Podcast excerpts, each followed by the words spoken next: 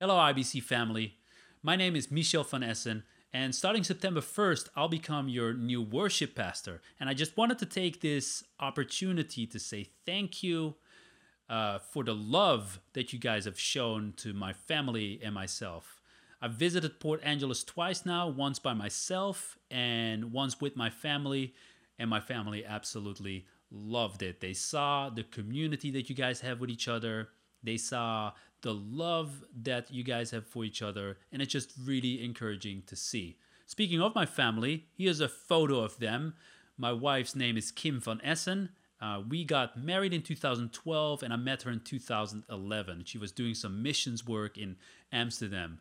And my boy, his name is Anson Job. He's four years old, and he'll turn five this October.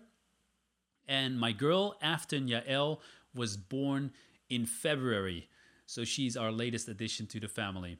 We just wanted to let you guys know how excited we are to move to Port Angeles. We are in a big move right now, as you can see around me.